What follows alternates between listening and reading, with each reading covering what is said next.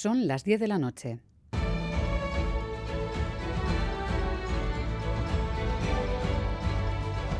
Radio Euskadi y Radio Vitoria. Servicios informativos.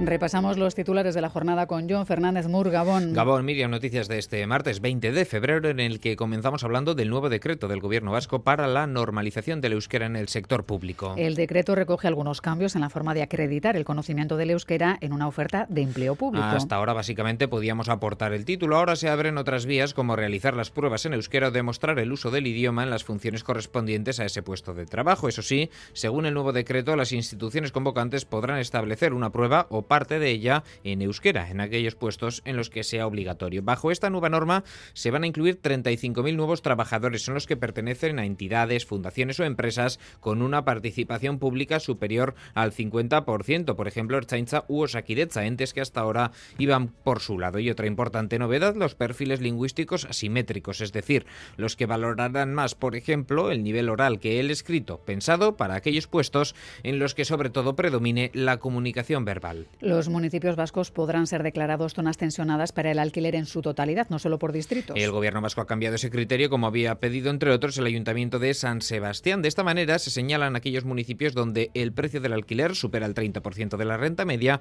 o donde haya subido en los últimos tres años eh, tres puntos más que el IPC. Son 37 municipios. Mario Yoldi, director de Planificación de Vivienda del gobierno vasco. De esos 43 municipios, ahora 37 puede ser como tensionados a nivel de todo el municipio entero y solo 6 de una manera parcial con alguno de sus distritos. ¿no? Con lo cual, digamos que se ha ampliado muy mucho el campo de actuación de las, de las zonas tensionadas. En total, estas zonas aglutinan el 65% de la población de Euskadi y las tres capitales tienen previsto pedir en los próximos meses la declaración de zona tensionada, que de momento solo ha solicitado Rentería. La ley estatal permitirá allí donde se aplique limitar la subida de los alquileres. Ya está abierto el plazo para solicitar la ayuda del programa Emancipa. Durante dos años, los jóvenes que quieran emanciparse recibirán del gobierno una ayuda de 300 euros al mes. Los requisitos son tener entre 25 y 29 años, cobrar menos de 28.000 euros anuales, llevar empadronado en Euskadi un mínimo de un año y acreditar un contrato de alquiler o compra. El Comité Nacional del PSE ya ha aprobado sus listas para las elecciones vascas. Las encabezarán el candidato a la Endacariene Conduza por Vizcaya, Denis Ichaso por Guipúzcoa y Aroa Gilete por Araba, territorio por el que el actual consejero de Turismo, Javier Hurtado, será número dos. Andueza ha subrayado que de cara a la próxima legislatura el PSE va a ser imprescindible y ha lanzado sendos mensajes a PNV y Euskal Herria Bildu.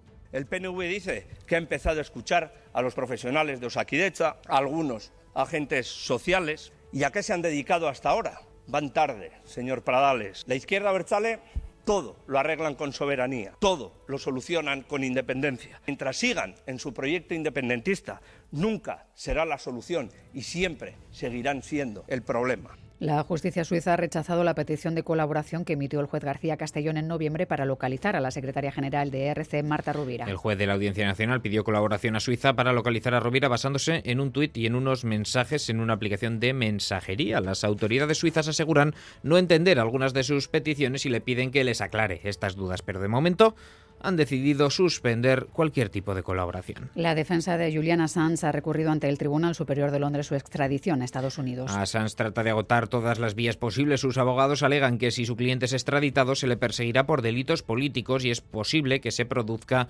una violación de sus derechos procesales. Durante la vista celebrada este martes y a la que Assange no ha acudido alegando problemas de salud, su mujer, Stella Assange, ha denunciado que la persecución a su marido tiene motivos políticos. Si lo extraditan morirá y no solo se trata de extraditarlo. En primer lugar, Julian nunca debió ser encarcelado. Es todo, más noticias en una hora y en todo momento en itv.eus y en la aplicación ITV Albisteac. Geruarte.